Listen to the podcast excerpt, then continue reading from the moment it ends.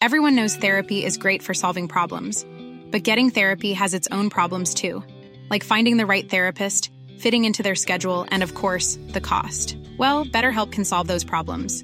It's totally online and built around your schedule. It's surprisingly affordable too. Connect with a credentialed therapist by phone, video, or online chat, all from the comfort of your home. Visit betterhelp.com to learn more and save 10% on your first month. That's BetterHelp H E L P. Hey, it's Paige DeSorbo from Giggly Squad. High quality fashion without the price tag? Say hello to Quince. I'm snagging high end essentials like cozy cashmere sweaters, sleek leather jackets, fine jewelry, and so much more. With Quince being 50 to 80% less than similar brands. And they partner with factories that prioritize safe, ethical, and responsible manufacturing. I love that. Luxury quality within reach. Go to quince.com slash style to get free shipping and 365 day returns on your next order. Quince.com slash style. Hey, it's Paige DeSorbo from Giggly Squad. High quality fashion without the price tag? Say hello to Quince. I'm snagging high end essentials like cozy cashmere sweaters, sleek leather jackets, fine jewelry, and so much more. With Quince being 50 to 80% less than similar brands. And they partner with factories that prioritize safe, ethical, and responsible manufacturing. I love that. Luxury quality within reach. Go to quince.com slash style to get free shipping and 365 day returns on your next order. Quince.com slash style.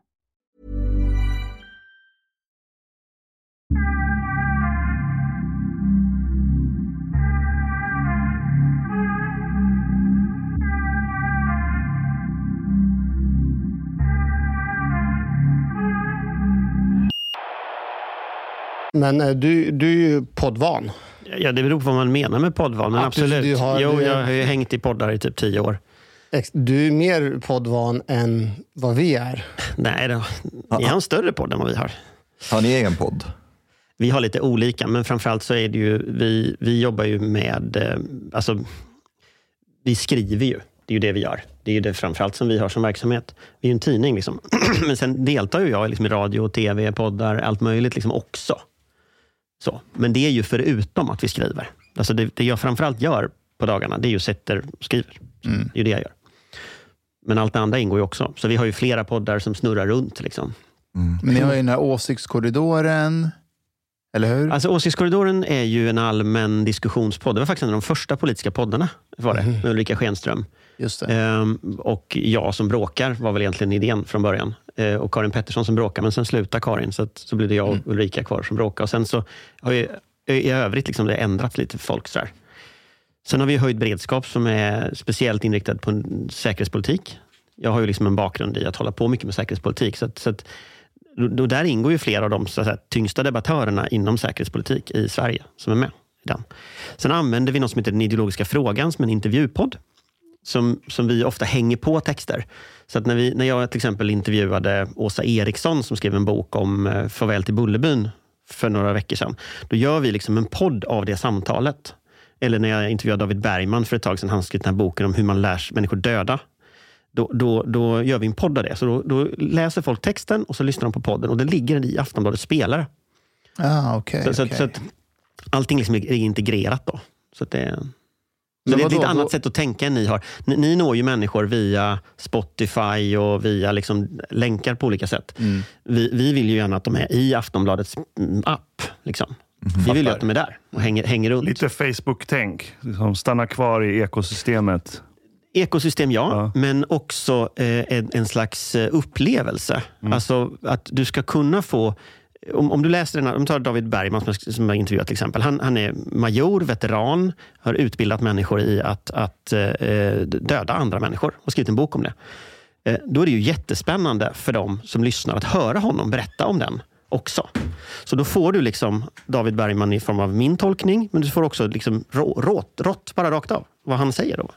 Så det är liksom ett sätt att ge en upplevelse till folk också, som vill läsa, läsa mer och lyssna mer. Då, liksom. Chang har jagat Diesel Ja, det är det nya borgerliga Sverige. Nu är det brödköer och slut på diesel i, Anders, i tankstationerna. Kristerssons Sverige som vi brukade säga efter valet. Mycket, mycket bättre när äh, sossarna styrde. Då fanns det ett överflöd i samhället och ingen inflation. Påminn mig lite, vad kostade dieseln innan valet? Jag minns inte. Den åkte jojo, det där jävla priset. Anders, du pratar om att du, hade en, du har en förfluten inom säkerhetspolitik. Eller Nej, inte riktigt. säkerhets... Ja, så här. Eh, Jag började jobba 2000. Och Då började jag jobba för eh, försvarsutskottet i eh, riksdagen, Socialdemokraterna där. Och De personerna som var försvarsutskottet i riksdagen, det var ju Håkan Juholt till exempel som var ordförande i försvarsberedningen. Det var Tone Tingsgård som var vice ordförande. Eh, Många av de människorna som då fanns med i försvarspolitiken i den kretsen är ju fortfarande samma människor som finns eh, så att säga, senare då i försvarspolitiken. Och då är det så att eh, de två försvarsbesluten 2000 och 2004, det var lite rått uttryckt då man la ner hela försvaret. Eh, och då satt jag först på försvarsutskottet i riksdagen och följde liksom försvarsberedningen och försvarsutskottet där. Sen jobbade jag på utrikesdepartementet med Laila Freivalds som politisk sakkunnig. Så att säga, de här åren när allting förändrades så hade jag en rätt spännande utgångspunkt eh, faktiskt. Eh, för att se det som förändrats. Men har du, jobbat, har du jobbat med någonting annat än själva politik? Nej, det har jag inte. Jag har Du- gjort lumpen du- en gång i tiden. Det var vad gjorde du i lumpen? LV7 uppe i Boden låg en liten stund mellan att det låg i Luleå. Luftvärn, precis. Eh, Robot 70, det är lite roligt att se nu. Men ser, ser, ser så här, samma system som jag fick lära mig att det här funkar bra. Eh, där eh, ser man ju nu i Ukraina, att eh, just mot attackhelikoptrar och så, att det här, titta, systemet funkar. Liksom. Skarpt läge. Och den upplevelsen tror jag nog många har. Att liksom man har det var lite så teori när man lärde sig det här. Och Nu ser man plötsligt att liksom taktik som Sverige har utformat, alltså vapen som Sverige har utformat genom alla dessa år, funkar precis det de ska göra, nämligen stoppa ryssar. Och Det där tror jag är en, sån här, det är en intressant är upplevelse. mäktigt. Är det en intressant upplevelse tycker jag. Alltså, för det var ju någonstans ändå teoretiskt på den tiden. Men om du, eh, du har hållit på med politik och politi, politiska frågor, men om du inte hade hållit på med de här frågorna, vad hade du annars velat göra? När jag var liten så höll jag på, eller liten, men, men egentligen fram ganska lång tid. Han frågar vad var det som gick snett? Ja, jag förstår det. Ja. Så höll jag på med, med friluftsliv. Eh, och jag är scout i botten. Eh, jag har gått på en folkhögskola i Dalarna och läst friluftsliv på heltid i två år. Eh, med tema långfärd. Så jag ägnade tiden åt att vara ute i skog och mark. Eh, alltså många veckor i sträck. När du säger långfärd, då är det långfärdsskridskor eller? Nej, långfärd betyder att man är länge ute i skogen. Aha, okej. Man är fem veckor ute och paddlar istället för att man är ute tre dagar. Wow. Eh, Och På det sättet så, så lär man sig mycket om sig själv, om gruppen, om eh, tekniken att hålla på med friluftsliv. Och det heter Sjöviks folkhögskola i Dalarna. De har en, en utbildning i något som heter vägledare i naturligt friluftsliv. Som är då en väldigt konstig utbildning. Men den, den gick jag i två år. Det finns väl aldrig någon tillfälle man lär känna sig själv så, så bra som när man är i naturen. Vi, vi, jag kommer ihåg när vi gjorde lumpen, vi, vi var ute fyra dygn där vi skulle liksom vara ute utan att få någon mat. Alltså man, man lärde känna sig själv och sina kollegor rätt så bra. Håller du på med det fortfarande? Ute i naturen? Just nu är jag inte scoutledare, eh, även om jag naturligtvis är medlem i scouterna. Det har jag alltid varit i olika former. Men det där hänger ju lite på familjesituation och barn och sånt. Alltså hur man, hur man har tid att göra. Men friluftsliv, absolut. Och, och Det är ju någonting som jag är väldigt intresserad av. Alltid varit väldigt intresserad av. Eh, Men man kan säga att innan politiken så började jag i just friluftsliv och just scouterna. Ville du vara med i Robinson? Nej. Överhuvudtaget såna här extremsaker, eh, det har jag aldrig tyckt var särskilt roligt. Alltså, eh, jag, jag tyckte egentligen inte det var så kul att göra lumpen heller. Eh, mest för att jag tyckte det var jobbigt att rengöra vapen. Det var Så, drygt. att, så det är skittråkigt. Liksom. Eh, Så skjuter man en gång och så får man göra rent en lång jävla stund. Liksom. Jättetrist. Så, att, så att jag, var, jag är intresserad av säkerhetspolitik. Men när jag var så gammal så var det inte en fråga om man gjorde lumpen. Det var ingen som, ställde, alltså det var ingen som frågade. Liksom. Och jag kan inte minnas att jag överhuvudtaget ifrågasatte det heller. Man frågade bara, vart har du gjort lumpen? Right? Man antog att Ja, alla och så har- var det ett samtalsämne Ja. eh, som var. Men det, fann, det fanns inte med. Alltså, det var inte så att jag gick och funderade, så här, skulle, skulle jag göra eller inte? Utan det var, det var, det var, och det var ju det var nog inte många som gjorde det. Skulle när var det du gjorde lumpen? Ja, 90-talet? 92 till 93 måste det vara. Jaha. Skulle du kriga om eh, Ryssland invaderar Sverige? Nu är jag ju för gammal, eh, tror jag, för det. Hur gammal är du? Över 50. Det är sant. Du får googla. Ja, du har åldrats väl alltså. Ja. Måste jag säga. Tjena. Ja. Ja, nej, men, men, nej, men jag är nog lite för gammal för det nu. vi charmar Skulle honom. inte göra. Men, eh, nej, men alltså, jag tycker inte att det är frivilligt att försvara sitt land. Det Det har jag aldrig tyckt. obligatoriskt. Jag tycker, att det, jag tycker att vi ska ha en värnplikt och vi har en värnplikt. Men tyckte inte hon, eh, Nyamko Sabuni, det var lite frivilligt? Jo, men det var ju en missuppfattning. Alltså, Hon skulle väl dra till Norge, eller vad skulle hon, Hon göra? skulle dra till Norge. Ja. Nej, men det är ju en missuppfattning eh, hur, hur, hur Sverige fungerar. Och även om man inte har värnplikt så har man ju en totalförsvarsplikt som gör att man kan inte dra till Norge när man har en viktig funktion i samhället. Liksom. Eh, Det, det kan man inte Var det göra. det som gjorde att hon fick sluta? Alltså var, var det droppen? Det är väl en tolkning. En annan tolkning är väl att eh, folk högg henne i ryggen tillräckligt många gånger innan hon ramlade ihop. Men absolut, det var ju den utlösande faktorn. Nej, för hugger folk varandra i ryggen i politiken? Det har jag väl aldrig varit med om. Liberalerna. Just Liberalerna tänker jag är, är en, utvecklat det till en viss konstform faktiskt. Jag, träffade, tänker jag. Jag, jag hade en kompis som är med i LUF och har varit i Liberalerna jättelänge. Han sa till mig att så fort Nyamko blev eh, partiledare då startades, startades två olika falanger för att avsätta henne. Shit. Och de, de har ju jobbat verkligen hårt. Och det, Alltså, väl- de behövde inte en falang utan två falanger för att bli av med det är definitionen att vara liberal.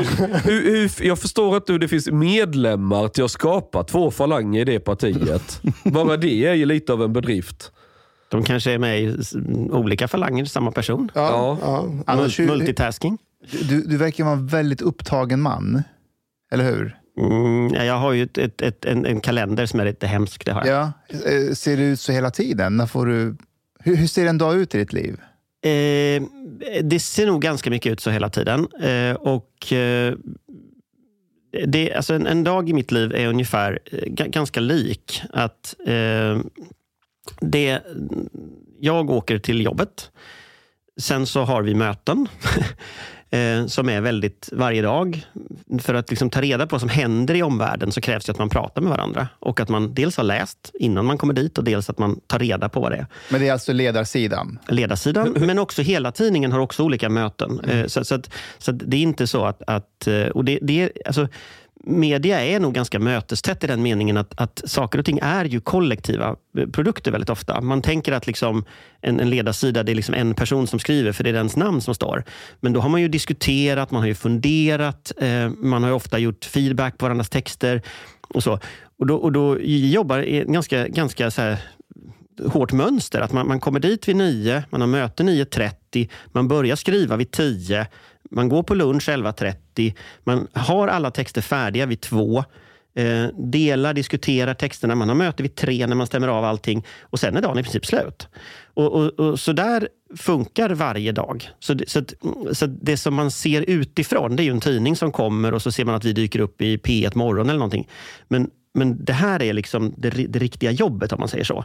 Det är liksom sitta, skriva, läsa, intervjua, göra reportage, resa och så vidare. Har, har ni diskuterat någon gång i sådana möten om ni skriver för mycket om Ebba Busch? Nej, det skulle jag nog säga att vi inte har gjort. Det drar jag klick. Kan... Nej, inte nu längre skulle jag säga.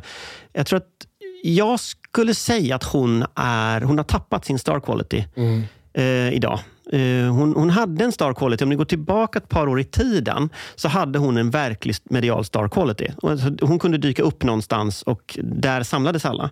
Nu skulle jag säga att eh, skulle du ha en motsvarighet idag så är det Romina Pourmokhtari som har den star qualityn i, i den här regeringen. Eh, Det är väldigt intressant för att eh, Stefan Löfven var ju fullständigt kass att skriva om. Ingen läste, ingen brydde sig. Kristersson har börjat hamna i samma läge som Löfven. Och det, lite I den regeringen så var det andra som stack upp. Alltså det var en Peter Hultqvist som dök upp, eller en Micke Damberg som dök upp, eller Annika Strandhäll som dök upp och liksom ägde rummet. Va? Eh, I den här regeringen är det lite samma sak, fast, fast jag skulle säga att Kristersson en snabbt nedåtgående spiral. Svantesson är en snabbt nedåtgående spiral. Eh, Pourmokhtari är uppåtgående. Men varför då? Varför har det blivit så? Jag tror ibland att eh, nyhetsvärde hänger ihop med att det måste finnas något oväntat. Det kan inte vara förväntat hela tiden. Och Kristersson är förväntad hela tiden. Han spelar försvarsspel safe, men han gör ingenting som någon blir förvånad över eller som blir Alltså, han bara fortsätter rulla på. Det är som en sten som långsamt rullar ner för en backe. Liksom. Eh, och det, det, det funkar inte. Så att, nej men jag, och det här under en mandatperiod så går det här ju upp eller ner. skulle jag säga. Finns det någon koppling till pondus? Vilken typ av pondus man har? Jag skulle använda ordet star quality, inte pondus. Därför att pondus har ju att göra med en slags upplevd makt. Star quality det är ju mer liksom den här känslan av att där händer någonting. Här, här är ju liksom någonting som man vill, vill veta mer om. Liksom så, har Vill man veta mer om Ulf Kristersson just nu? Och svaret på den frågan är antagligen nej, det vill man Nej. inte. Har, har Rickard Jomshof star quality? Nej, det skulle jag inte säga. Eh, Jag skulle säga att om du går till SD så hade Paula Bieler det. Hon hade absolut den potentialen. Och sen Jimmy Åkesson. Var inte hon väldigt förutsägbar? Nej, jag skulle säga att hon, hon, eh, var, hon hade en potential som SD larvade bort, eller i alla fall försvann ur SD. Är vi överens om att Håkan Juholt är den som har haft mest star quality av alla i svensk politisk Alltså jag, har jobbat, jag har ju jobbat med Håkan Jag vet, Juholt. jag är nyfiken på hur jag han känner är. Ju, jag känner ju honom på, på, på så sätt. Är han så privat också? Är, är det liksom, det är den Hå- Håkan du, du får? Alltså Håkan Juholt är väldigt mycket av allting. så att Håkan Det är väl star quality? Det, det är star quality, men det är också... alltså, Jag ska säga så här. Det finns också... Om, äh, lyssnar ni på hans sommarprogram? Nej, jag Nej. har missat det. Det är ett väldigt intressant sommarprogram, för det handlar till stor del om konst. Ja, sommarprat. Det här Aha, okej. i P1. Eh, Det handlar mycket om konst och hans släkt och familj som har starka konstnärliga kopplingar. Alla intressanta människor har någon form av mörker. Det tror jag är en sån sanning. Det, det finns hos alla intressanta personer. Jo. Någon form av mörker liksom, som, som, som de kan gräva ur. Annars är de inte kul. Och han har verkligen det. Så han har liksom den här star quality å ena sidan, å andra sidan den här släkthistorien, berättelsen liksom om, om det, sitt eget liv och liksom så. Va? Och nu med det här hugga i ryggen i Socialdemokraterna. Det var en fruktansvärd liksom, politisk avrättning egentligen han råkade ut för. Och Du var inte inblandad där? Nej, då, då hade jag checkat ur det systemet. Okej. Eh, nej, jag slutade ju 2010 på Socialdemokraterna. Så, att, så att det här Men det är lite efter. kopplingar ändå när du sitter som ledarskribent och sådär eller? Inte i den typen av inre liv riktigt. Ah, okej, okej, okej. Eh, det, det där skulle jag säga är väldigt få. Alltså, Socialdemokraterna är ju lite, lite så hermit kingdom. Alltså det är stängt. Eh, är, du inte, är du inte där så är du inte där. Är du inte i rummet så är du inte där. Och det där mäktiga verkställande utskottet brukar nästan alltid hålla tätt. Ja, okej. Juholt är ett undantag, för här läckte ju Ja. protokoll och material från det verkställande utskottet. Eh, och det är liksom helt ovanligt. Så, det händer inte så. Men det säger också någonting om hur många som finns nära en sån process. Liksom. Men fortsätt med Håkan. Nej, men vad jag skulle säga var just det att, att hans, den här blandningen av star quality och mörker, det är den som gör honom ständigt aktuell. Och nu senast hade han gett ut en bok om sill. Va? Han sitter i jag måste- jag måste Sydafrika. skaffa den. Han sitter i Sydafrika och ger ut en bok om fisk. För att marknadsföra svensk fisk. Och det är ju gott. Liksom. Men, Anders, Anders, en fråga bara. Eh, Är det så här att han har tagit tid från sin ambassadroll och skrivit böcker? Eller får man göra så? Alltså, det tror jag inte. Ambassadörsrollen är ju också väldigt ritualiserad. Det är väldigt tydligt vad du gör och inte gör. Och du har sekreterare som styr det åt dig och det är möten hit och dit. Sånt. Nej, jag tror att han jobbar dygnet runt utan att sova. Det är min gissning. Ja, faktiskt. Men är inte han på ett sätt den, den perfekta personen att marknadsföra Sverige? Jag tror att han är perfekt och han är också perfekt i Sydafrika. Alltså, Så han inte Socialdemokraterna... är så nära Sverige då alltså och kan ställa till med rubriker? Eller, eller vad andra skäl han Det, perfekt det, för det, Sydafrika? det tror jag är bra för regeringen möjligen, men inte för Håkan Juholt. Men, men jag tänker att han, Socialdemokraterna har ju väldigt nära relation historiskt med ANC. Nu har ju ANC blivit helt knäppa, ska man säga dock. Så nu vet jag inte, den där relationen har väl gått sådär med. Men historiskt hade man en bra relation. Eh, och eh, där, där så att säga, tror jag Juholt med så att säga, sin gamla roll som S-ledare också kan öppna en massa dörrar i det sydafrikanska samhället som kanske inte en annan ambassadör hade kunnat öppna. Sen ska man dock säga att ANC håller ju på att utveckla sin riktning som är ganska destruktiv. Eh, och bästa vore nog om det partiet splittrades. Att det inte var ett parti som liksom satt på allting utan att det splittrades i fler bitar. Då. Men det är ju liksom nutid. Eh, jag skulle vilja faktiskt eh, tacka dig och också be om ursäkt.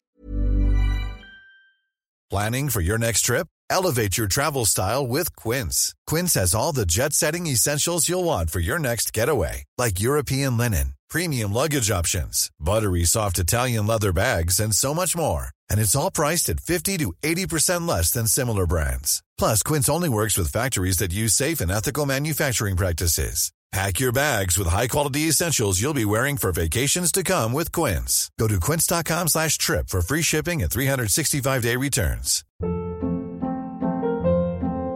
Hold up. What was that? Boring. No flavor. That was as bad as those leftovers you ate all week. Kiki Palmer here, and it's time to say hello to something fresh and guilt-free. Hello Fresh. Jazz up dinner with pecan-crusted chicken or garlic butter shrimp scampi. Now that's music to my mouth. Hello Fresh. Let's get this dinner party started. Discover all the delicious possibilities at hellofresh.com. för en grej. Du vet när Ganman och jag hade vår boklansering på Kulturhuset där. Mm, Så- jag minns den. Ja, vi var ju väldigt glada att du var med. Men jag skulle faktiskt vilja be dig om ursäkt från mig och Ganman för den stämningen som uppstod där på Kulturhuset. För att alla ni var med där, eller hur? Jag var inte där. Nej, du var inte där. Men det blev en ganska så här, lynchmobbarstämning mot dig. Kommer du ihåg det? Ja, alltså, jag har ju varit med om det där förut. Eh, och det, det finns ju en massa så här klipp på mig på nätet när jag är i miljöer där det blir såna här saker. Alltså, så är det ju. Eh, jag upplevde väl det som ganska... Alltså, det blev lite konstigt när frågorna efteråt handlade om mig Ja. istället för att handla om er bok, som jag ju var där för att recensera. Ja. Får jag spela upp en klipp just från den tillfället? Gör så. Det här var ju i samband med att, du, eh, att en i publiken ställde en fråga till dig. Eh, jag kommer inte ihåg exakt hur publiken var, men du ställde en motfråga till den personen. Då har jag en motfråga till dig. Har du hört någon opinionsbildare säga att vi ska ta emot världens alla flyktingar? Nej, men 30 miljoner har jag hört. Nej, men jag, jag frågar. Jag frågar Ja, vänta, varför- Stefan Löfven sa att det inte fanns några gränser vid flera tillfällen. jo, det sa han. Det står i absolut. vår bok. Men jag frågar Citatet nu, jag här. frågar nu därför att den här påståendet kommer ju väldigt ofta. Det, och, och det här tycker jag är intressant. Därför- Ja, men, men, men det var det jag frågade om som jag gärna vill att du svarar på, svarar inte något annat. Jag svarar gärna. Varsågod. Kanske inte alla, men det har ju varit att det finns precis inga gränser. Sverige, vi, vi, vi har jättegott om utrymme. Och finns det inte jobb, då hittar vi på jobb. Så att de har någonting att göra. Det har jag hört ganska många gånger. Jo, men, men då, då återigen min motfråga. Nämligen, vem är det som har påstått alla de här sakerna? Stefan Löfven, det står i Nej, boken. Vem Jo, är det som har det, Anders. Jag kan läsa upp Ja, citatet för fast dig. det är ingen som påstår att Sverige ska ta emot 100 miljoner flyktingar eller Det var någonting. inte det han sa. Det var inte det han sa. Inte så med de orden, men han sa... Det Stefan Löfven sa när han var statsminister, det var när han fick den direkta frågan om det fanns någon gräns för hur många vi kunde ta emot, så sa han nej. Det finns med ordagrant i den här boken. Och du och han, vet att han och, han, och jag vet, och alla här inne vet, att han inte menar att vi ska ta emot 100 miljoner människor i Sverige.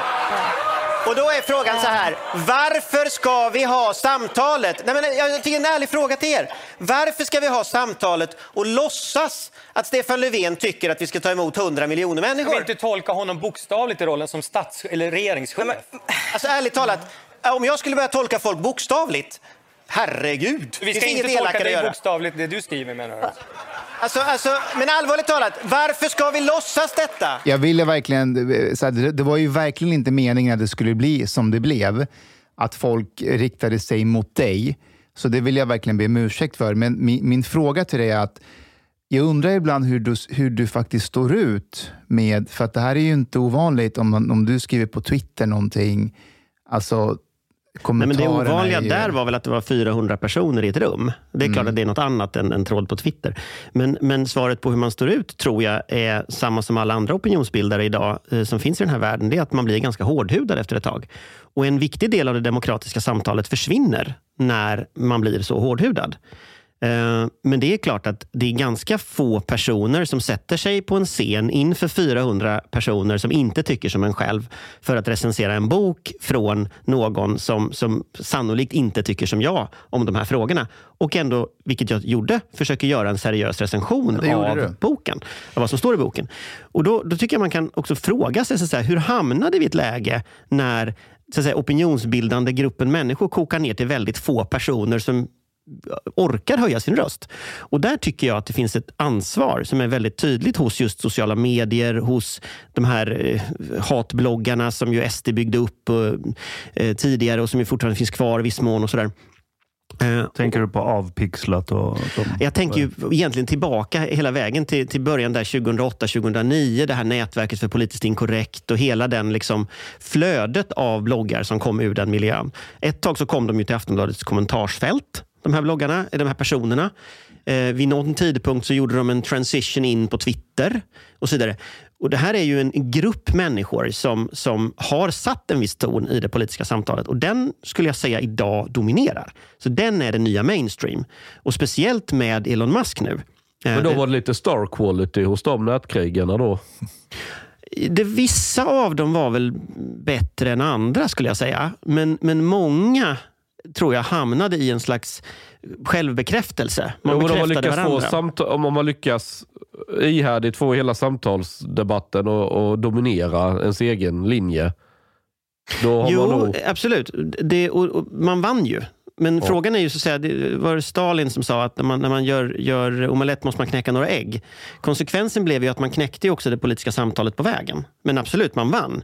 SD har vad är det, 17 procent eh, av väljarna. Den här mainstream idag, om du kollar på SVT till exempel. SVT, har ni märkt ett enda större avslöjande om SD från SVT? Svaret är nej. Och, och, och, och, tittar ni på liksom den här eviga kommentaren, Förlåt, SD är inte här och kan försvara sig. Vad menar du med... Jag förstod inte det där avslöjandet. Vad jag menar med att, att public service behandlar SD med silkesvantar eh, hela tiden. Är det verkligen sant? Det är sant. Varför Jag har, de- aldrig fått, jag har aldrig fått kommentaren Vänsterpartiet är inte här och kan försvara sig när jag har sågat Vänsterpartiet. Jag får varje gång kommentaren SD är inte här och kan försvara sig. Nej, men, ja. Varför får jag det? Jo, därför att de redaktörerna är rädda för reaktionerna på nätet om de inte säger SD är inte här och kan försvara sig. Och det kan vara De är inte tvärtom smackrädda ibland. för Vänsterpartiet. Till Ja, men exempel, det är nog vänta, vänta, vänta, det. Är ju sant. Vänta, Ja. vänta, vänta. Det var Magdalena Andersson var i Agenda häromdagen, eh, förra veckan tror jag, eller någonting. Och eh, hon satt där och sa att SD borde eh, uppmana koranbrännaren att inte bränna Koranen. Sina medlemmar. Och, sen, borde- och, och, också koranbrännaren. Och hon fick inte kommentarer, följdfråga, men de har redan gjort det. det SD i ett öppet brev har redan gjort det. Och hur kommer det sig att journalisten har inte frå- ställt den frågan? Den De kanske inte visste det. Det, det, det, kan nog, det, kan, det kan nog också vara en annan sak och det är att man rättar väldigt sällan politiker. Eh, man rättar väldigt ofta mig eh, och det ska man naturligtvis göra för jag är ju, jag menar, en debatt mellan två opinionsbildare eh, så är, tror jag man, man, man kan styra mycket mer. Men ett politiskt samtal, vad politiker säger, det rättar man väldigt sällan. Det är samma sak som när Jimmy Åkesson varje gång säger det här känner inte jag till om, oavsett vad det är. Då är det ingen som tittar på honom och säger ha, det är klart att du gör. Eh, för det gör man inte. Men varför? Därför att man inte rättar politiker. Därför att, varför? därför att politikerna, jag tror att det är så att public service tänker att politikerna har någon form av mandat där de ska kunna tala utan att bli avbrutna, utan att bli rättade. Medan däremot andra inte riktigt har den, vad ska man säga, inte license to lie, men man har liksom en licens att köra ganska långt. En annan exempel på detta det kan ju vara valrörelsen. Valrörelsen den här gången kantades ju av väldigt mycket saker som inte var sanna. Eh, Jag har bevakat många valrörelser och det här var den skulle jag säga där centrala budskap från framförallt Moderaterna, men, men jag skulle säga att på slutet så blev det rätt rörigt överallt. Men till exempel så sa Moderaterna S tänker införa fastighetsskatt. S tänker bussa elever. Alltså saker som inte finns, som inte finns förslag på. Det här rättar inte eh, Menar du, public, menar du att public service inte ifrågasätter politiker? Jag menar att public service inte rättar politiker när de inte talar sanning. Och jag tror att det här har en direkt parallell till när amerikansk media inte klarade av att säga att Trump ljög. Eh, man, man, man är helt enkelt inte van att säga till politiker, du ljuger du. Eh, och, och eh, I amerikansk media fick man ju lära sig att Trump ljög hela tiden. Så att till slut fick man ju säga det. Och nu har han sagt det här och det är inte sant den här gången heller. Men i Sverige är vi inte där än. Men vi kanske att vi kan, vi kan mycket väl, skulle jag säga, komma dit. Men men- menar du att poli- har det varit så att politiker inte ljugit tidigare och de inte behövde ställa den frågan? Eller har svenska medier, eller public service i det här fallet, då, tidigare ställt den frågan men nu slutat göra det? Hur, hur har utvecklingen sett Jag, ut? jag skulle säga, men nu, nu har jag ingen undersökning att basera detta på, men om jag tar min egen magkänsla så var politiska debatter hederligare förr. Eh, de tog längre tid också förr. Så det är en samvariation här av media som har kortat talartiden till 30 sekunder, typ, för en politiker. Eh, om ni tittar på en debatt från 1985 så sitter de och pratar i evighet. Man kommer aldrig till punkt. Man blir tokig att lyssna på det. Va? Eh, nu har du kortat ner det, så du måste säga saker snabbare. Så tiden för resonemang har försvunnit och det är liksom medias fel att det har blivit så. Men sen har politikerna också jag upplever ibland att politikerna anpassat sig efter hur Twitter låter till exempel. Det ska vara snabbt, det ska vara hårt, det är skitsamma om det är helt sant. Och så bara kör man. Och dagen efter så är det glömt. Så, va? Eh, och jag tror att många av de skandalerna som fanns förr i tiden, som politiker fick avgå från eh, för, alltså de sa någonting eh, som de inte, som inte, som inte liksom gick, gick hem då. De hade de nog kunnat klara idag på att folk helt enkelt hade glömt bort det. Det går så fort till nästa fråga. Så jag ska säga delvis politikerna och delvis media. Men om vi tittar på det här klippet som eh, jag spelade upp. Jag spelade upp det specifikt av en speciell anledning. Och det var, det var flera grejer som jag tänkte på. För jag har, jag har tittat jättemycket på dina framträdande och jag har sett ett eh, jättetydligt mönster. Eh, jag tror du själv har nämnt det vid något tillfälle när man pratar om framing eller inramning. Vill du berätta om den tekniken lite grann? Vi jobbar ju inte så mycket med framing. Alltså vi, använder ju inte, vi använder ju inte marknadsföringstekniker riktigt på det sättet. Utan vi, vi använder ju eh, en form av storytelling som, som, ligger, på, ja. som ligger liksom i, i eh, hur man bildar opinion nu. Där idén med den typen av storytelling är att den ska dels sätta begrepp för någonting. Eh, till exempel lex Stasi eller att det är DDR som angiverilagen är kopplad till. Till exempel. Då sätter man ett begrepp, då ger man en ram eh, för det här, eh, hur man gör. Och Sen så bygger man på att berätta historier. Eh, jag berättar historier om när jag åker till Stasis, eh, Stasis eh, eh, museum i Berlin där ett rum har inofficiella medarbetare mm. som ju alltså är människor som är angivare. Och det är klart att, att, när jag berättar den historien så har den en, en historisk kraft, men det är också en, en, en bra historia mm. ofta. Eh, så så det, det, är storytelling som, som modell. Och där skulle jag säga att ledarjournalistik har gått rätt mycket. När jag började, då, då, då, var, då var väldigt mycket så att säga, eh, den här klassiska argumenterande texten som var väldigt mycket en, en ledare. En DN-huvudledare. Den börjar alltid med något tråkigt den har tre argument för sitt ämne, ett argument mot och avslutas alltid med att vi borde prata mer om det här. eller någonting sånt. Mm. Det, det, är liksom, det, det är den klassiska ledartexten. Det vi har försökt göra på Aftonbladets ledarsida, det är ju att göra opinionsjournalistik som journalistik. Alltså att använda reportagegrepp, använda storytellinggrepp, använda liksom en, en, en bredare flora än det här liksom klassiska argumenterande texten. Och det var det här, för det här är ju, som, som jag tänker, det är ju ett väldigt skickligt sätt att eh, föra en resonemang. Och det jag reagerade på just den här eh, kvällen, det var ju hur du framade Mustafa i den, eh, i den debatten. Det, det var en väldigt stor ram där Mustafa som de facto har eh, ägnat en stor del av sin tid med att pra, prata med migranter, nyanlända, försöka få dem att integreras i samhället.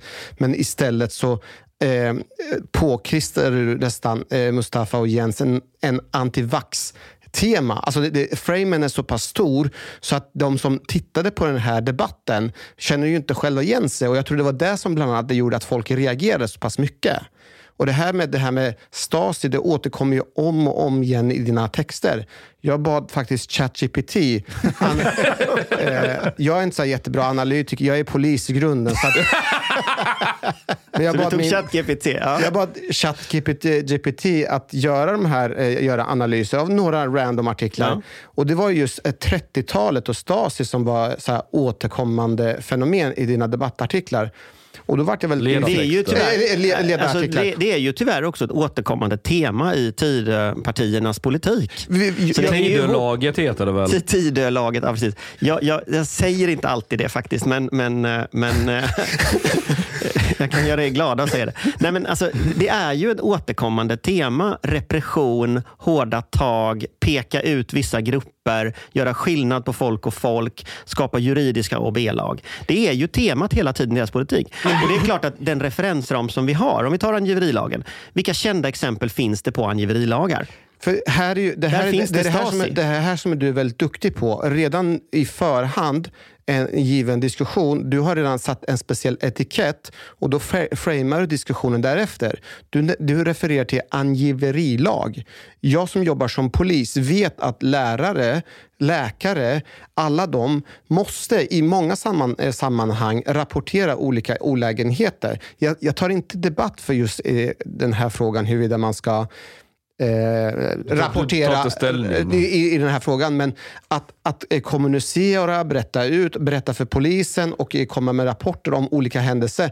Det är någonting som åligger även lärare och läkare och andra yrkesgrupper också. Men att hur, hur man verkligen framar det som angiveri och refererar till Stasi och eh, t- 30-talet.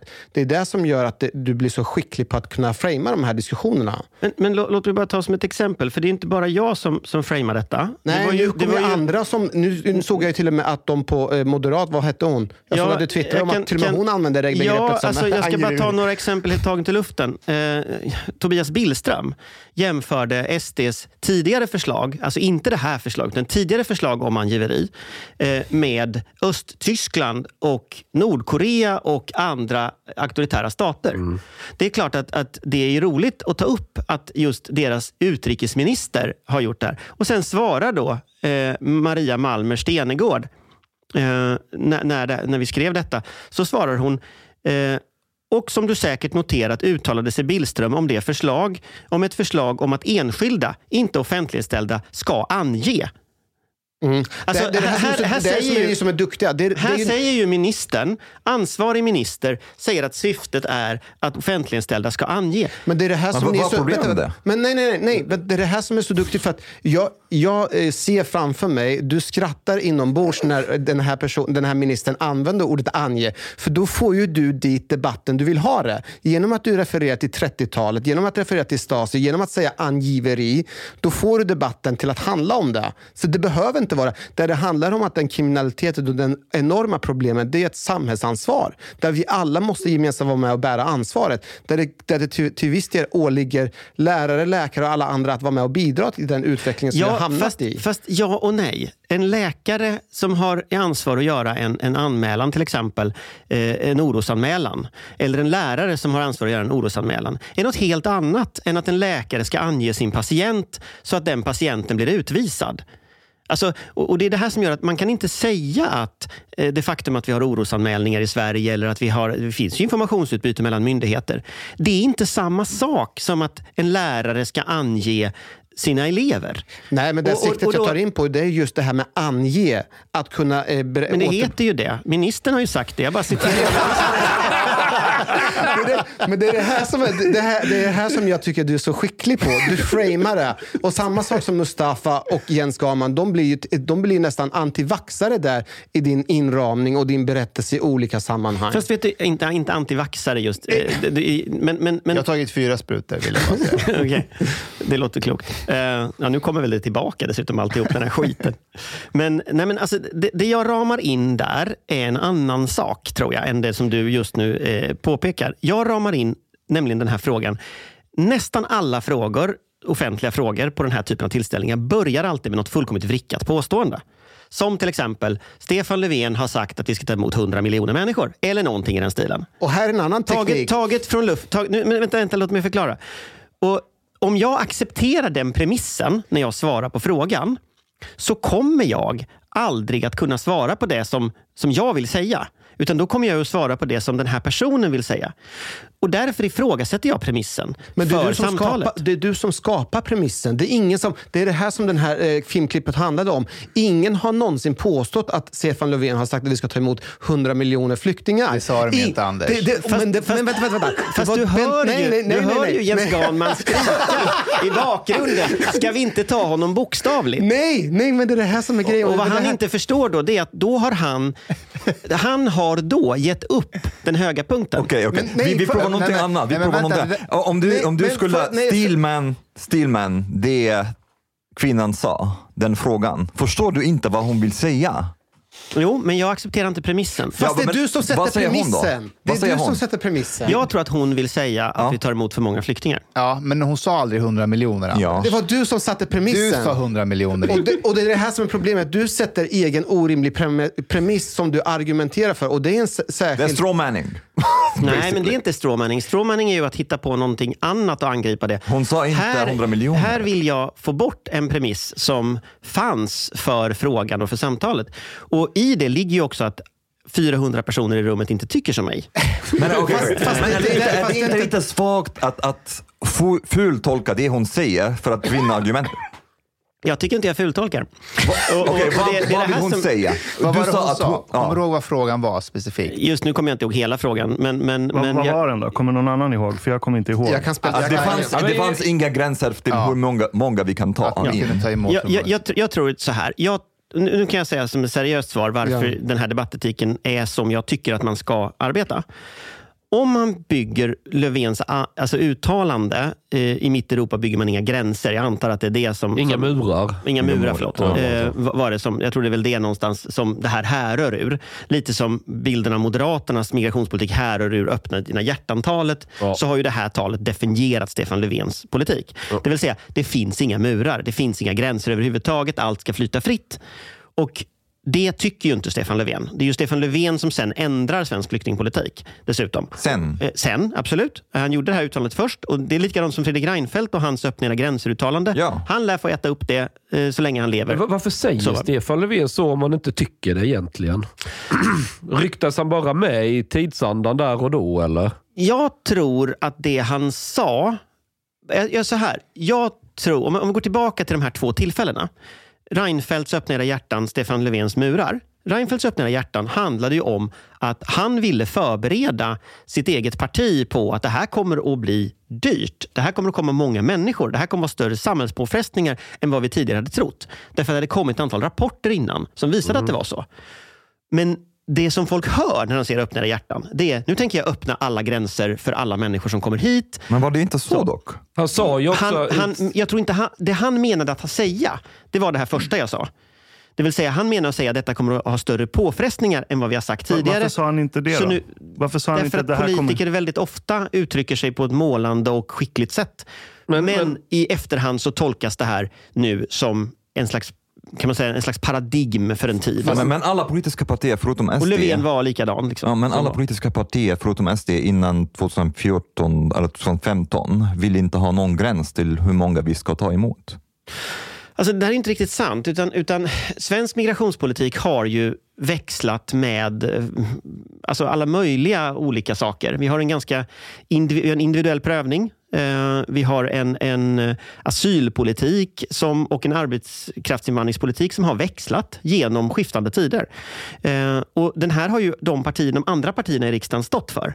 Så det är inte riktigt sant att, att här, man ska vara för helt fria gränser. De enda som var helt fria, för helt fria gränser som jag kan komma ihåg det är så här, libertarianer, typ, ja, ungdomsförbund och sånt. Men inga partier. Däremot så, så är det klart att SD har velat minska invandringen. Eh, Men det har de alltid velat. Och lite så kan man väl säga att en, en klocka som står still visar rätt två gånger om dygnet. Då. Och just 2015 så, så tog ju SD hem spelet. Därför att eh, politikerna hade tappat kontroll över situationen. Oh, Okej, men, men eh, Därmed inte sagt att den här klockan visade rätt de andra timmarna på dygnet. Okej, men, men, men eh, tänker jag fel om alla politiska partier vill inte sätta någon gräns när det gäller till, till exempel flyktingar från Syrien? Är det inte sant? Alltså, det, vi har ju en individuell prövning i Sverige. Inte när det gäller Syrien? Ja, men vi, vi, har, vi har ju en individuell prövning i Sverige. Ja. Och, och Det är ju så huvudregeln som, som ska gälla för alla. Sen är det ju så när krig, vi kommer till krigsflyktingar, eh, just att krigsflyktingar, där är det lite svårt att göra individuella prövningar, för det är ett krig. Och de kommer väldigt många på en gång. Vad jag upp, och, då, och det är som du säger, då, då kommer man i diverse andra lägen. I Ukraina nu till exempel, då har man ytterligare en nivå, det vill säga massflyktsdirektivet. Då har man använt ett direktiv i EU som gäller för just den här specifika situationen. Eh, riktigt hur det här juridiskt så att säga, eh, hängde ihop innan 2015, jag kommer inte ihåg alla delarna av det. Men, men det som hände 2015 med den tillfälliga lagen, det var ju att man i princip skärpte hela politiken i, på ett bräde för att få mycket färre flyktingar. Och det gjorde ju man i land efter land efter land. Och när jag tolkar Stefan Löfven, i mitt Europa bygger man inga murar, då handlar ju det mycket om att varenda land slängde upp murar mellan andra EU-länder. Uh, och Det var ju det här som så här, totalt brast uh, i, i den politiken. Och som Stefan Löfven själv sen gjorde då, med att slänga upp liksom, gränskontroller. Men, kolla, det, det här... men jag tror att det var det han pratade ja. om. Nu försöker jag liksom snälltolka då, som man säger. Jo, men, jo, men både här, både Reinfeldt och Löfven. Liksom, det är här jag tappar lite. för att Om vi går tillbaka till det du sa innan, att förut när, när någon ljög, då skulle man säga varför säger du det här för till exempel. Medan du samtidigt säger att man ska inte tolka folk bokstavligt. Då betyder det att en politiker, eller en opinionsbildare för den delen, kan säga vad som helst och sen i efterhand bara gardera sig med att du får inte tolka mig bokstavligt. För när Stefan säger vi bygger inga murar, murar eh, Reinfeldt, öppna era hjärtan. Vad var det för siffra Annie Lööf hade sagt? 30 miljoner kan vi ta in i Sverige.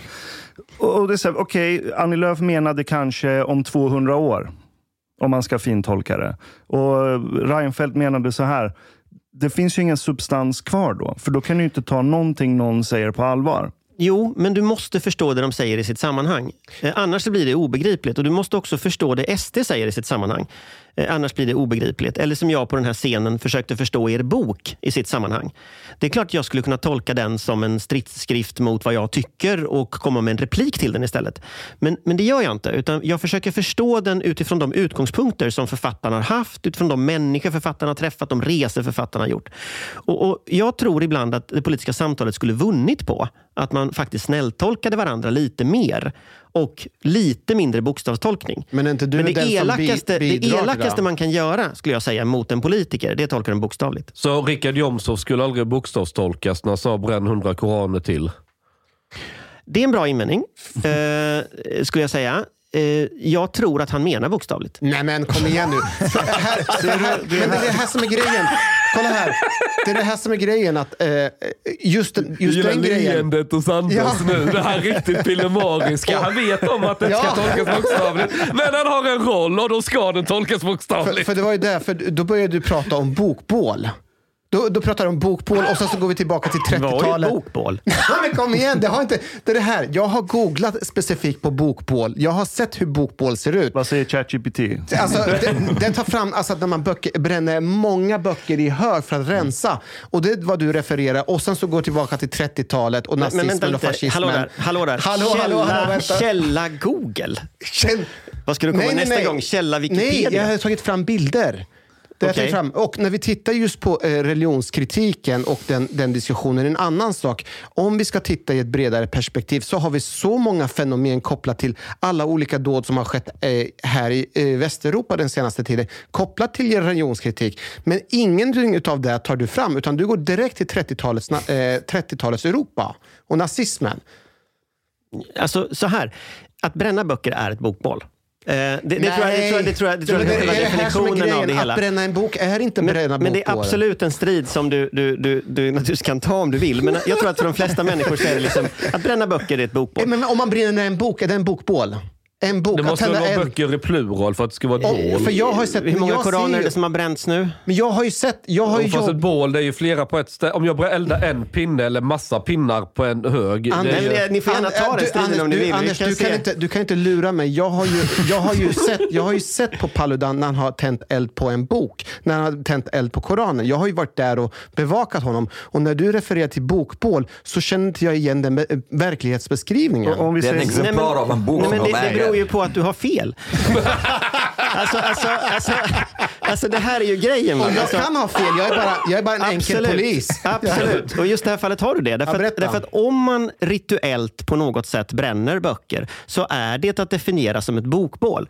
Om du bränner en bok eller om du bränner 20 på ett rituellt sätt spelar ingen roll. Men grejen är den att, att, att eh, det vi ser här, det är om vi ska dra en lite längre idéhistorisk ja, parallell till ja. detta, så är det ju så att, att det har bränts böcker förut vid ett antal tillfällen. Jag har inte bara tagit upp 30-talet som exempel. Mm. Jag har tagit upp eh, inkvisitionen som ju genomförde en rätt omfattande etnisk rensning. Eh, Genom att, hur då? Jo, bränna böcker. Heinrich Heins uttalande, när man bränner böcker brinner snart människor, handlar ju faktiskt om hur inkvisitionen brände koraner en gång i tiden. Så det är, liksom, men det, det, det är också som, som en parallell. Nazisternas bokbål var ju inte bara ett bokbål på Bebelplatz i Berlin. Det var ju en systematiskt utrotande av den, vad, vad Goebbels pratar om som det, den judiska intellektuella kulturen. Varför gjorde man det? Jo, därför att man ville säga ni hör inte hemma här. Vi bränner era berättelser. Vi bränner era tankar. Vi bränner era ord. Och exakt samma sak säger man ju när man bränner Koranen. Det är ingen religionskritik att bränna en koran inlindad i bacon framför den muslimska församlingen på en av islams heligaste dagar. Anders, Anders, framför en moské. Det är du inte har, du, har, religionsfrihet. du, du, har, du har helt och hållet rätt. Du är fantastisk historieberättare. Du går tillbaka långt tillbaka för att kunna hitta ett sammanhang. Men varför kan inte du inte ta... rätt. För, vänta, varför kan du inte ta in händelserna kopplat till Charlie Hebdo? Vad som har hänt där. Varför kan du inte ta fram den här eh, Samuel Paty som har blivit mördad? Varför kan inte du blanda in det som skedde i Borås? Alltså det är det som är kopplat till religionskritik och hur vårt land blir angrips. Men, Våra men vi har skrivit om allt det angrips. där också. Vi har- Nej, du Jo. går hela tiden tillbaka till Nej, 30-talet. Vi har skrivit om det alltid. Men jag gör en väldigt fundamental skillnad mellan det som är tryckta skrifter, till exempel... Eh, Du blandar ihop. Nej, Du blandar jag, ihop Tvärtom, låt du blandar ihop. Därför att, därför att, att, att ge ut en bok, att ge ut en tidning, att ge ut karikatyrer på profeten Mohammed eller måla en rondellhund av profeten Mohammed är för mig någonting substantiellt fundamentalt annorlunda. Det är också rättsligt sett helt annorlunda. Det skyddas av yttrandefrihetsgrundlag, tryckfrihetsförordning.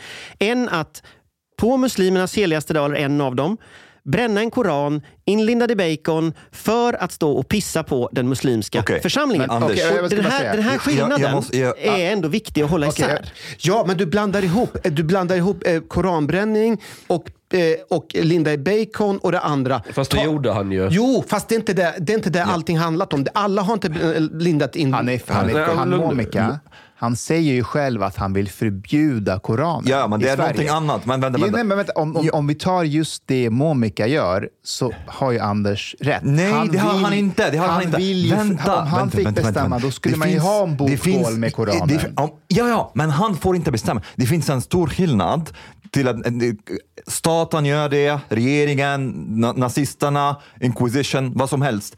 Uh, jämfört med en person som bränner sin exemplar av en bok. Det är inte men det, är samma väl sak. det, det är väl det du skriver om också, eller? Du skriver väl om... Det är inte bokbål Eller, eller menar du staten och... Nej, jag, Nej. jag menar... eh, Det, alltså, jag, jag menar, om man, om man tar de olika parallellerna. Spelar det roll idag om det är staten som kränker dina rättigheter eller individer som kränker Ja, dina ja, rättigheter? Det är en jätteskillnad. Det gör Om det. det, gör det. Men Ja. vi benar lite detta. Det gör det. Betyder det att om en individ kränker dina rättigheter så spelar det ingen roll? Det beror på. Det, det gör det inte. Om du Nej, bränner, det gör det om- inte. Om du bränner, Så- vänta, vänta, vänta. Du, om du bränner en exemplar av, av en bok som du äger, du, du inskränker ingens Nej, rättigheter. Det, det, är ju, det är ju inte det att du bränner den hemma utan att berätta någon i kaminen. Det är att du bränner den inlindad i bacon framför en moské, eh, framför den muslimska bacon är det församlingen. okej? Nej, men det är ju det du gör. Det, va- varför gör du det? Jo, därför att du gör en symbolisk handling. Kan jag få ställa en fråga? Men jag, Nej, men, Alltså, men, vänta, nej, men- vänta, men vänta. Jag, jag, jag svarar gärna Vänta, annars men- på, på, ja, ja. på det, men jag måste Men- få bena men lite i vad det handlar ser, om. Ser du ingen skillnad mellan att vara emot islam och att vara emot muslimer? Så om, om någon är emot religionen, kan man inte uttrycka det? Omar, okej, så här, det, det är jätteenkelt att... Nej, jag vill att han svarar på kan inte det. Anders Ja. svara på den frågan? Jag tror så här, att de här ceremonierna handlar inte om att man är mot islam eller muslimer bara. Utan det här handlar om det jag sa. Man vill tydligt visa för en grupp människor i Sverige att man missaktar då med lagens mening den här gruppen. Man vill hetsa mot den här gruppen och man vill visa att den här gruppen inte är hemma här. Det är därför man gör det på så, så kränkande sätt man överhuvudtaget kan. Det är därför jag återupprepar baconen, för det är det som har hänt. Eh, och Syftet med detta, det är ju samma syfte som du har att slänga in ett grishuvud i en moské. Eller du har att kanske heila. Så den iranska kvinnorättsaktivist till exempel som, som strimlade Koranen eh, utanför iranska ambassaden i Danmark. Ja, jag skulle det- säga att det är en fundamental skillnad. Eh, återigen. Eh, och Det här är varför jag argumenterar för hets mot folkgrupp ska användas som lagstiftning. Därför att det är syftet med aktionen som är poängen. Du måste se om syftet inte är att, att eh, ut, visa missaktning eller hota muslimer.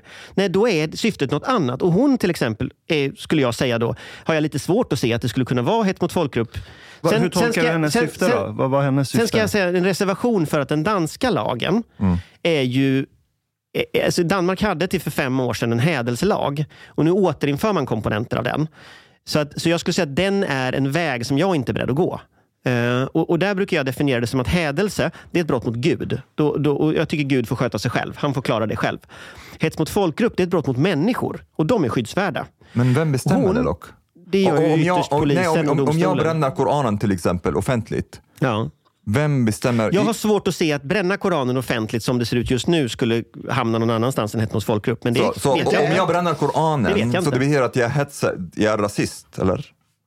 Nej, alltså, hets mot folkgrupp är ju ett brott utifrån vad du gör. Ja, men, men det är inte, att bränna Koranen är inte hets mot folkgrupp. Och det vet du om. Du inte vet om just det, nu, du har utan jag argumenterar ju för att, man ska, eh, att det ska bli eh, hets mot Så folkgrupp. att bränna Bibeln till exempel, ska det vara också hets mot folkgrupp? Det beror på i vilket sammanhang. Jag skulle säga till exempel eh, om du ger dig på en, en mm, kristen minoritet.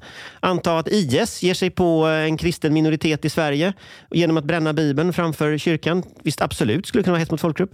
Alltså- så om, de, om någon lämnar islam till exempel och, och bränner Koranen som ja, avstånd, eh, att man tar avstånd från Ja, religionen. jag, jag har som sagt svårt att tro att det skulle kunna vara hets mot folkgrupp. På samma sätt som att hon som strimlade den skulle kunna vara, eller att folk skulle bränna slöjor och koraner framför Irans ambassad eller någonting. Alltså det, det, det finns massa saker som inte skulle omfattas av hets mot folkgrupp.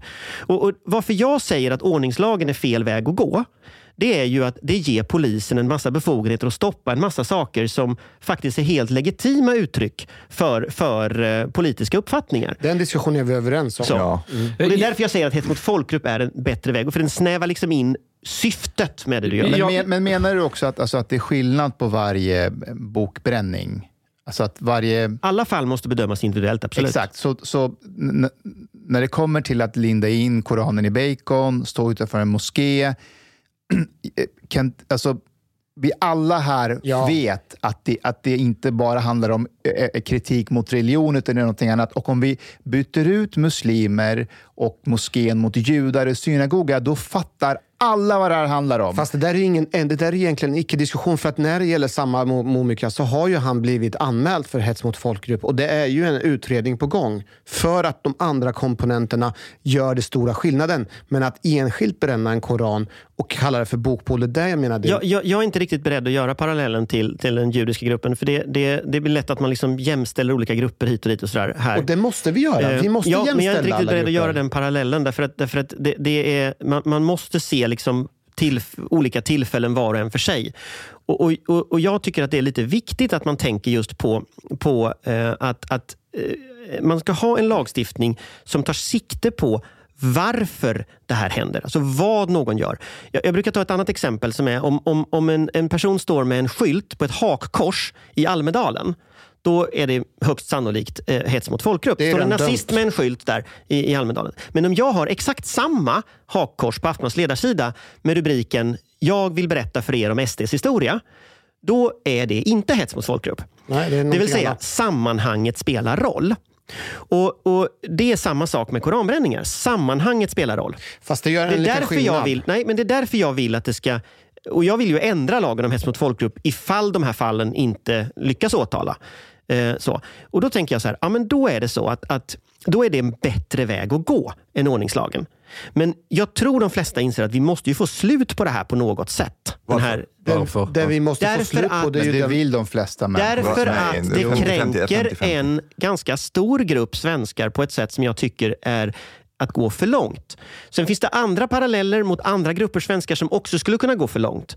Eh, jag tänker till exempel hets mot hbtq-personer som också går för långt många gånger idag. Och så där. Det finns andra fall också.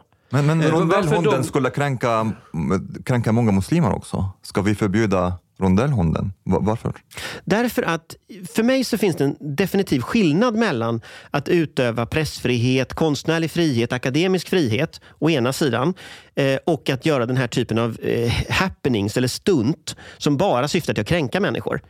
Eh, det är ju så att rondellhunden finns, men vill du inte titta på den så, så eh, ja, då, då, då, behöver, du inte gå dit, behöver du inte gå dit och titta på den. Du behöver inte titta på men är, du, koranbränningen. men är du i den muslimska församlingen, i din moské, där någon ställer sig utanför och bränner Koranen inlindad i bacon för att kränka dig, så är det en annan typ av händelse än till exempel att någon skriver en arg bok om profeten Muhammed. Men är, är, det, inte, är det inte fortfarande legitimt att, att försöka provocera människor? Till exempel, om jag tycker att, vet du vad, muslimer måste också acceptera till exempel Muhammed-teckningar.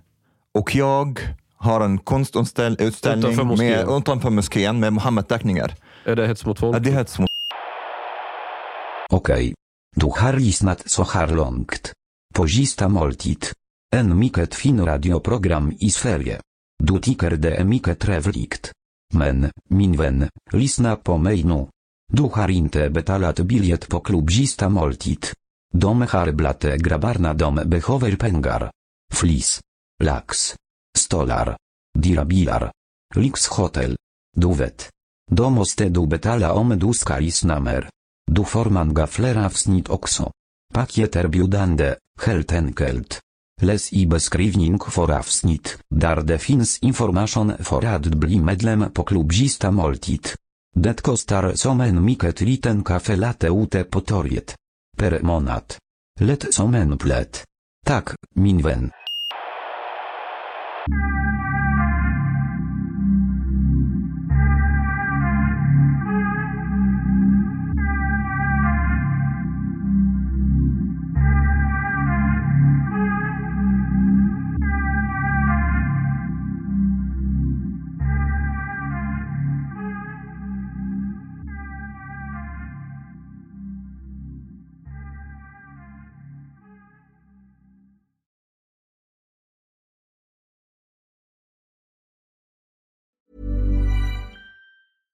Imagine the softest sheets you've ever felt. Now imagine them getting even softer over time. That's what you'll feel with Bowl and Branch's organic cotton sheets. In a recent customer survey, 96% replied that Bowl and Branch sheets get softer with every wash. Start getting your best night's sleep in these sheets that get softer and softer for years to come. Try their sheets with a 30-night guarantee. Plus, get 15% off your first order at bowlandbranch.com. Code BUTTERY. Exclusions apply. See site for details. Hi, I'm Daniel, founder of Pretty Litter. Cats and cat owners deserve better than any old fashioned litter. That's why I teamed up with scientists and veterinarians to create Pretty Litter. Its innovative crystal formula has superior odor control and weighs up to 80% less than clay litter. Pretty Litter even monitors health by changing colors to help detect early signs of potential illness. It's the world's smartest kitty litter. Go to prettylitter.com and use code ACAST for 20% off your first order and a free cat toy. Terms and conditions apply. See site for details. Hey, it's Paige DeSorbo from Giggly Squad. High quality fashion without the price tag. Say hello to Quince. I'm snagging high-end essentials like cozy cashmere sweaters, sleek leather jackets, fine jewelry, and so much more. With Quince being 50 to 80% less than similar brands. And they partner with factories that prioritize safe, ethical, and responsible manufacturing. I love that. Luxury quality within reach. Go to quince.com slash style to get free shipping and 365 day returns on your next order. Quince.com slash style.